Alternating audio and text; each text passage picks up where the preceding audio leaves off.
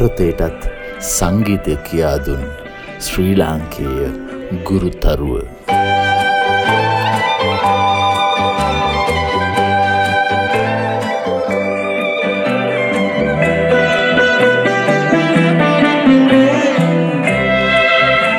මේ කතාව පටන්ගන්න පුළුවන් මුලක් මැදක්කගක් කියල නැහැ ඕනම තැනකින් හැබැයි මගේ මේ කතාව ඉතිහාසය යනවා අවුරුදු හතලිස් තුනක් විතර පස්සට. ඉගන්නේ එදදාස් නවසේ හැත්ත හය දක්වා. මම තිකොට පේරාධන විසිද්‍යාලේ උපාධි අපේක්ෂකයෙක් දෙවන වසරේ ඉතින් තමයි මට මේ කතාව පිළිබඳව පළමුුවට අත්දැකීමක් ලබන්නේ.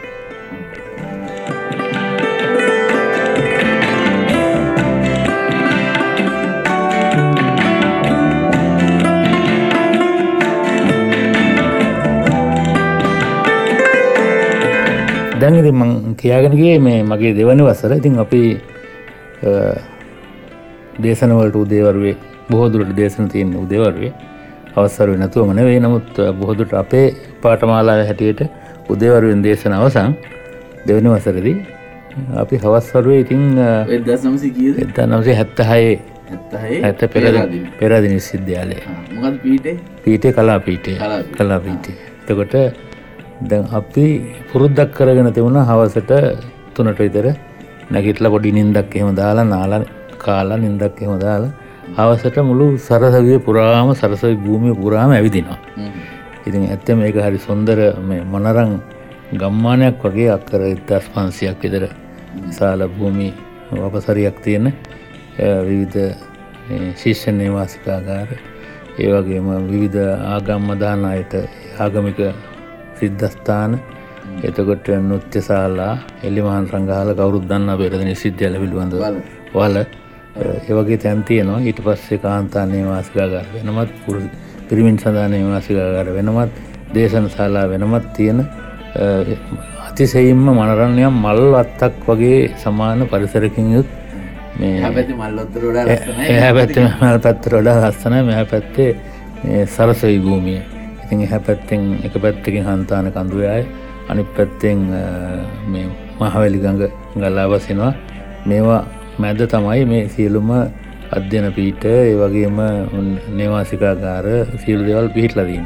ඉතින් මෙහෙම අපි යනකොට ඉතින් අපි ඇවිදිනවා ඇවිදල ඇවිදිල හවසාන්තිමට ඉතින් පෙරාදිනි හන්දියටත් යනවා ගිහිල්ලා පවයනවා දවසක් මෙහෙම අපි මේ සාමාන්‍ය සුපුරුදු වීති සංචාරය කරනකොට අපේ මේ සහුරුද කැල්ල දවසත් දැක්ක මේ මාරගස්සක මේ පොඩි පෝස්ට්‍රයක් තියෙනවා. ආචාරය ඩේවිට් පොඩියක් පාමගේ සිතාර්වාදනයක් කියලා. ඉතිං මේ අපි ඇත්තවස මේ කාලෙත් මගේ විශේෂයෙන්ම තිබුණ මේ කලාවට බර ගතියක්. ඉතින් මම නාට්‍ය සංගම සිංහල නාට්‍ය සංගමය හිටියා. ඒවගේම ගාන්ධර්ව සභාවේ මං සාමාජිකයෙක් වගේම නිලයක් තිබුණා. ඒවගේම විචාරක සංගමය කියලා සංගම ඇත්තුන සාහිත්‍ය පිළිබඳව ඉවතුන ප්‍රදේශපාලන කටයුතු කර. ඉරිං මෙහිදී අපි මේ තීන්දු කරා මේ වාදනය නරබන්න යායුතුයි කියලා. කණ්ඩායම. ඒවිදි දන්න කවුද මේ දෙවිත් සිම විදිහකට දන්නේ නෑ ඉති මේ අනිත්තක මේ මේක දාලා තිබුණේ සුකාවතියේදී කියලා. සුකාවතිය කියලා කියන්නේ ඉංජිනේරු පීටේ තියෙන රංගන ශාලාවක් නෘත්‍ය ශාලාවක්. ඒකට කියන්න ඉංජිනේරු පීට නෘත්‍ය ශාලාව කියලා කියන්නේ. ඒක ඇත්තස්ම සුකාවතිය කියෙන නම දැම්මේ එවකට හිටු මහදුරු සරච්චන්ද්‍රයන්. සුකාවතිය හැරි? එතකොට පෝස්්‍රය තියෙන්නේ ආචාරය ඩෙවිට් පොඩියක් පාමගේ සංගීත ප්‍රදසංගයක් සවස පහට සුකාවතියේදී. දින තිනේ දාලා දෙවුණ. පස්සේ එදිනම තමයි අපි මේක දැක්කේ. සාමාන්‍ය විසිද්‍යාල පෝස්්‍ර ගාන්නයම තිකොට ඒ විදිට තම මාර්ගස්වල ශිෂ්‍යෝ ගැවසෙන තැන්වල තමයි තියෙන්නේ. එතු කැන්තින්වල ඒගන්න අපි කණ්ඩායම් ගියාමෙතෙන්ට මේ අක්බාර් පාලම පව කරලා ඇවිදගෙන ගියා. ඉතින් ගිහිල්ලා ඉංජිනේරු පීටියට ගිහිල්ලා එදන සුගාවතයට ගියා සුකාවති ශාලාවට යනකොට මේ එතන පිළිගැනීමට හිටියති මහාචාරය ඕල්ටර් මාර්සිංහ යන්. මහාචාර ඕල්ටර් මාර්සිංහයන් කියනෙත් අපේ හොඳ හිතවත් ගුරුවරයෙක්. ඔහු ඇත්වස ම නාට්‍ය නිස්පාදනත් කර විසිද්‍යලන්න මගේ නාට්‍යයේ කතරක් කැම්බීමක් කියන නාට්‍යයේ සංගීත නිර්මාපකයත් ඔහු. ඒනිසා යම් දැනහඳනු ගමකුත් තිබුණ. ඒ කෙසේ වනත් අපි කණ්ඩායම ඔහු ඉතාමත්ම සාදරයෙන් පිළිගත්තා.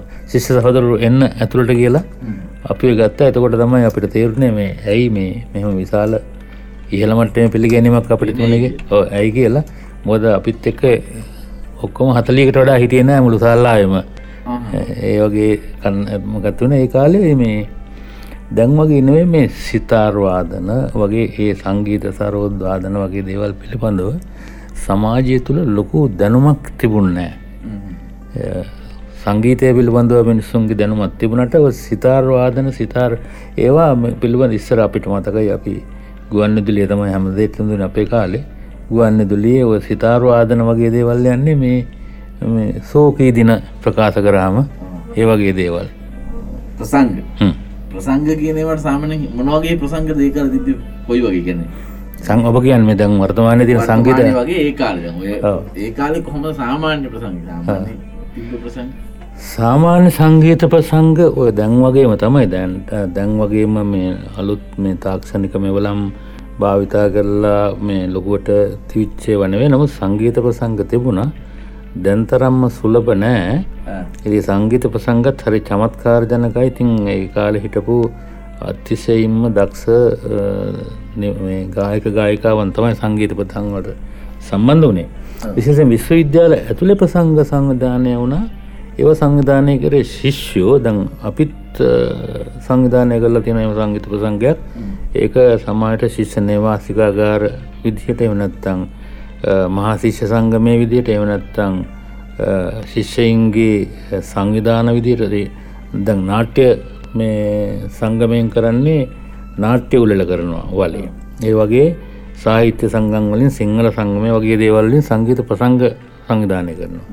අපිත් ඒ වගේ මේ සංගීත ප්‍රසංගයක් ඇත්තසම සංවිධානය කර පළමුුවරට ඒ කාලේ මේ ගුණදාසකපුගේ එතකොට ටම් නීලා අභිවර්ධන බාල සූරිය කියන ඒ හතර දෙනාව මේ සම්බන්ධ කරලවිල්ල ඒ වගේ මේ මේ කාලය වගේම තමයි. හැබැයි ඒවායේදී අර නැටුම් ගයුම් වගේ දෙවලට ොඩා ශ්‍රවණය තමයි. තිබුණේ. බොහොම ශාස්ත්‍රීය සවනය වගේ දේවල් තමයි තිබුණේ. එ මම මෙදැන් නැවතත් අපේ අර ප්‍රස්තූතය කර නැවත ගමන් කරනවා නම් අපි දැන් ගිහිල්ලා මේ සුකාවතිය ඉතින් අසුන් ගත්තා. මහදරතුමාගේ මහදුරු ඕල්ටර් මාර්සිංයන්ගේ ඇරයුමේ අපි දැන් මේ නොවසිල්නම් බලා සින්නවා ඒගාවට මොකක්ද වෙන්න කියලා. ඉති විනාඩී පහළුවක් විතර වගේ යනකොට මේ තිරය ඇරුණා. තිරයරුණට පස් අපි බැලුවා මේ වේදිකාවේ හිඳගෙන හිටනවා දෙන්නෙක් ඒ දෙන්න ගෙන් එක්කෙනෙක් අපි හොඳට දන්න අඳුරන සුප්‍රකට ගායකයෙක් එවකට. ඉගැන් අපේ අබා ප්‍රාප්ත සෙල්ටම් පෙර මහත්තයා ඔහු ගායකයා වගේම වාදකය. ඔගේ ඔගේ වාදන බාණ්ඩ තබ්ලාව. නමුත් ගායකෙක් විදිර තමයි එකළ ප්‍රසිද්ධලා තිබුණ. ඒ කාලේ අඹදම නාරන් නාට්‍යය ගීතය ඉතාමත්ම මේ ජනපය අතිස්කේ අනුරාධ කරම තාත්තා පියා පියා එතකොට දැන් මේ සංවිධායකව හිටි ඊගා වනිත් පුද්ගලයා තමයි එයා මේ හිඳගෙන හිටිය. නිකං අපිට නොහුරු මේ ශ්‍රී ලාංකිකයකුට වඩා නොහුරු පෙනුමක් තමයි ඔහුට තිබුණේ. ඉන්දීය නිකං ඔය බ්‍රාහ්මණයගේ වගේ පූසාරි කෙනෙක්. වගේ පෙනුමක් තිබෙන ඕගේ කොන්්ඩේ දිකට වැටලා රැලි වැටිලා ඒගාවට රැවුල උඩු රැවුල ඇටි රැවුල මුහුණ පුරා රැවුල තිබුණ. ඒගාවට මු රැවුලෙන් රැවුල නැති ප්‍රදේශවල පියරු වගේ තවරලා තිබුණ වගේ තමට මතක. ඊටස ලොකු තෝඩු දෙකත් දාල තිබුණ. කන් දෙකේ.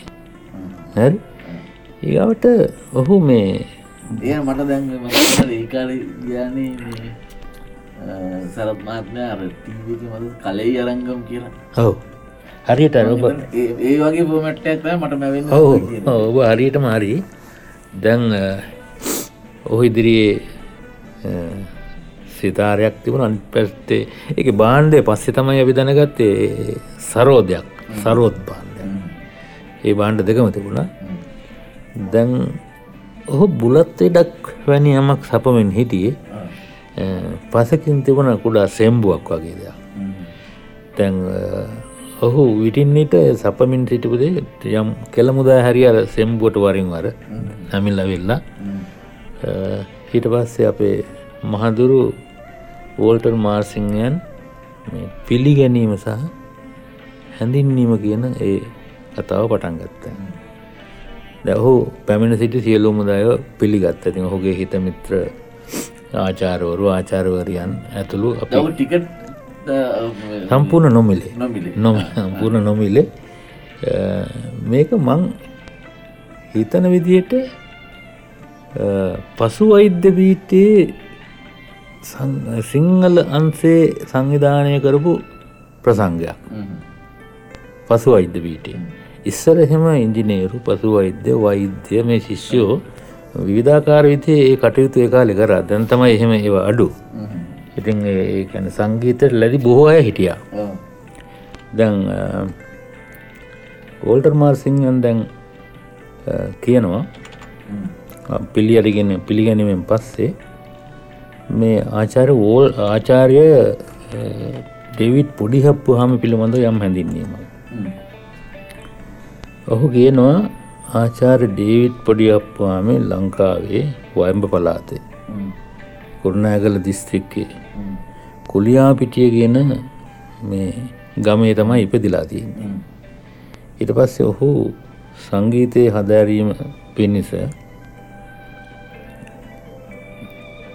එවකට එක නිදනවසේ හැත්ත හයේ සිට අවුදු විසි පහකට පෙර මං හිතන ඉදිර අපිම පනස් එකවස් පණහය පනස් එක වසර තමයි ලංකාවෙන් පිට වෙලා තිය පළමුුව හෝ එංගලන්තයට ගිහිලා එංගලන්තයේදී ගුරුවරයකු හම්බෙලා ඉන්දීය මේ වාද්‍ය සේත්‍ර නිපුණෙක්.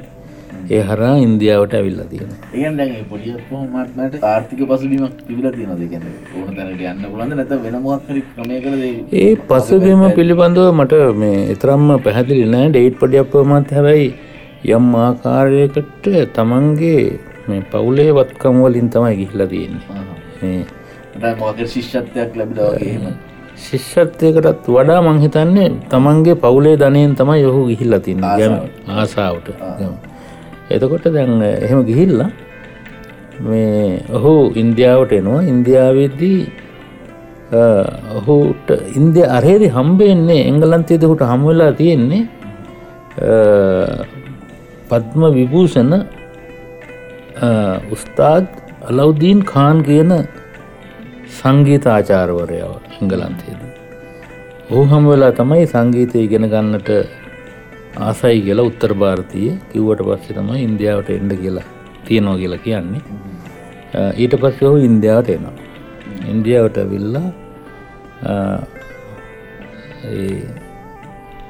පද්ම විභූෂණ පද්ම විභූෂණ කියලා කියන්න ඉතින් ඉන්දියාවේ සංගීතය ශේත්‍රය දෙන ඊහල්ලම සම්මානය.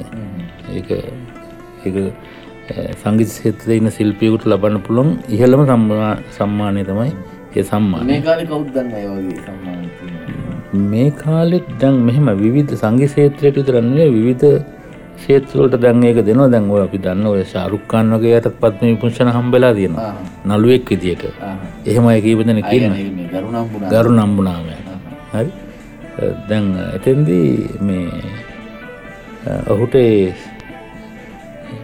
නැවත ඉන්දියාවට ආවට පස්සේ මේ ගුරුවරයා හම්බෙලා තියෙන මේ ගුරුවරයා ගැනත් පොඩි පැහැදිලි කිරීමක් කරන්නට අවශ්‍යයි. ඒක කරෙත් මහාචාරය හෝල්ඩර් මාර්සිංම තමයි.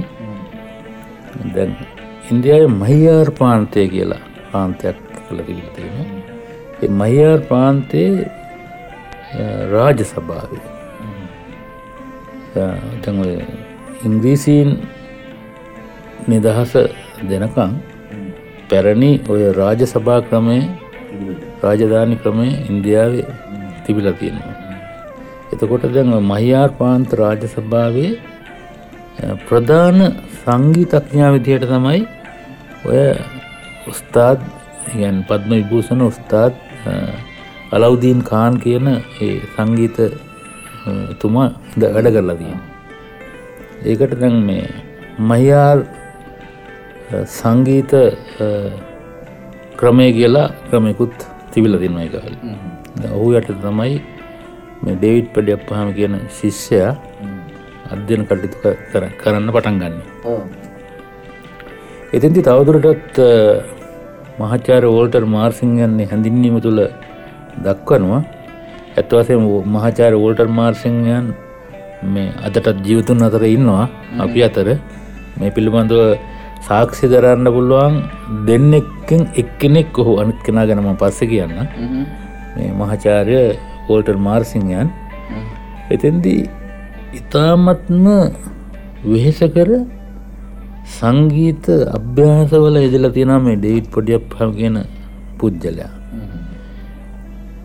මහාචාර්ය වෝල්ටර් මාර්සිංයන්ගේ හැඳින්වීමට අනුව දිනකට පැය දාසයකට වඩා ඒ සරෝද්වාදනය සහ සිතාර්වාදනය කියන ඒ දෙකට ඔහු යොමු වෙලා තියෙනවා.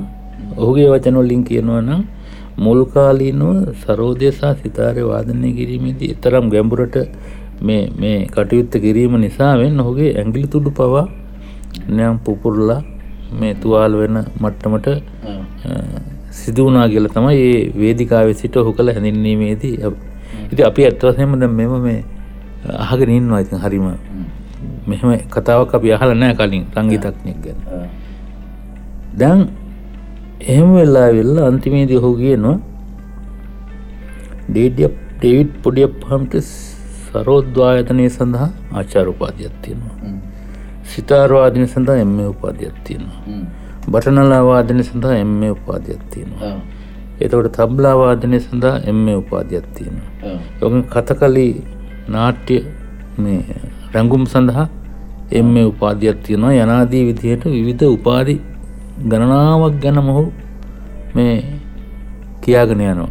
ඇත්වසම එතකොට අපිට මේක හිතාගන්න තම්මරු මොකද එතකොට අපි මේ හුදු මේ දෙවනි වසරේ උපාධි අපේක්ෂකය පමණයි මේ පේරාදින විසිද්ධාලි මේ ඉතින් මේ අපේ එක යාළුවෙක් කිව්වා මාර්සිංහස පචකේ නොද මන්දන්න බං කියලත් එහෙමත් අපි කිව හම කියන්න තියන්න ඉතින් සර් හම්බුරු කියන්න නේ. සර් ගැන නෙවෙන කියන්න වෙන පුද්ජලෙක් ගැන ඒහින්ද එහෙම කරමු කළ ඊට අමතරෝදන් මේ අපේ මේ මහදුරතුමා කියනවා එකල්ල සමස්තේන්දී ගුවන් විදුලියේ අ, සංගීත පර්යේෂණ අන්සේ ප්‍රධාන ඉල්ලයක් මේ ඩේට් පොඩියක් පහම දරුවයි කියලා දැ මේ පොට සමානයට මම ඒ අතර මම බැලුවේ ඉන්ට්‍රෙට් එක කොහරි තියෙනවද කියලා ඩේවිඩ් පොඩි අප්පුහාම කියලා. ඇත්තටම මේ කොහෙවත් සඳහන් නැහැ ඒක තමයි මම එක විදිහට බැලුවා ඩේවිඩ් පොඩි අප්පුහාමි හ්ම්. Google එක ගැහුවම විකිපීඩිය ගෙදෙන කියලා. හ්ම්. අ, ඒ කියන්න මේ වෙන ඒ කියන්නේ මේ ලංකාවේ පැරණ නමක්. කියලා මේ එක එක. දේවල් තියෙනවා. හැබැයි ඩේවිඩ් පොඩි අප්පුහාමි කියලා කෙනෙක් ගැන කොහෙවත් සඳහන් වෙලා නැහැ. අන්න ඒක තමයි මේ ඔව්. ඒක ලොකු ලොකු ප්‍රශ්නයක් ඔව ලොකු ප්‍රශ්න එහින්දම දා මම මේ කතා ඔබත් එක්ක කියන්න හේතුන. හැබැයි ඉන්ටනෙට් එක මේ සඳහන්වින් කීපයක් පොඩියට තියෙනවා අපි එක හෙමින් හොයා ගම්මු ඔව් හොයාගන්න පුළුවන්. ඒ ලොකු මේ සාමාන්‍යෙන් අද ඕනම කෙනෙකුට ඉන්ටන් මේ පොඩි මේ සිින්දු පහක් ඇසට්ටයක් කරපු සීඩී කරපුගෙන ඉන්ටනෙට් එකේ තියෙන ඕන තරම්. පවුල් පරපුරු අරම ඔක්කො නමුත් මෙතුමට වෙච්ච අභාග්‍ය තමයි මේ මේ අභාග්‍ය හරි? අපි හින්ද ඒකත් අපි හෙමින් කතා කරමු. දැන් මම කියාගෙනාවේ මෙතුමා ඒ සංගීතය ඉතාමත්ම ගැඹුරින් ඉතාමත්ම ගුමනාවෙන් හදාරලා Thank you.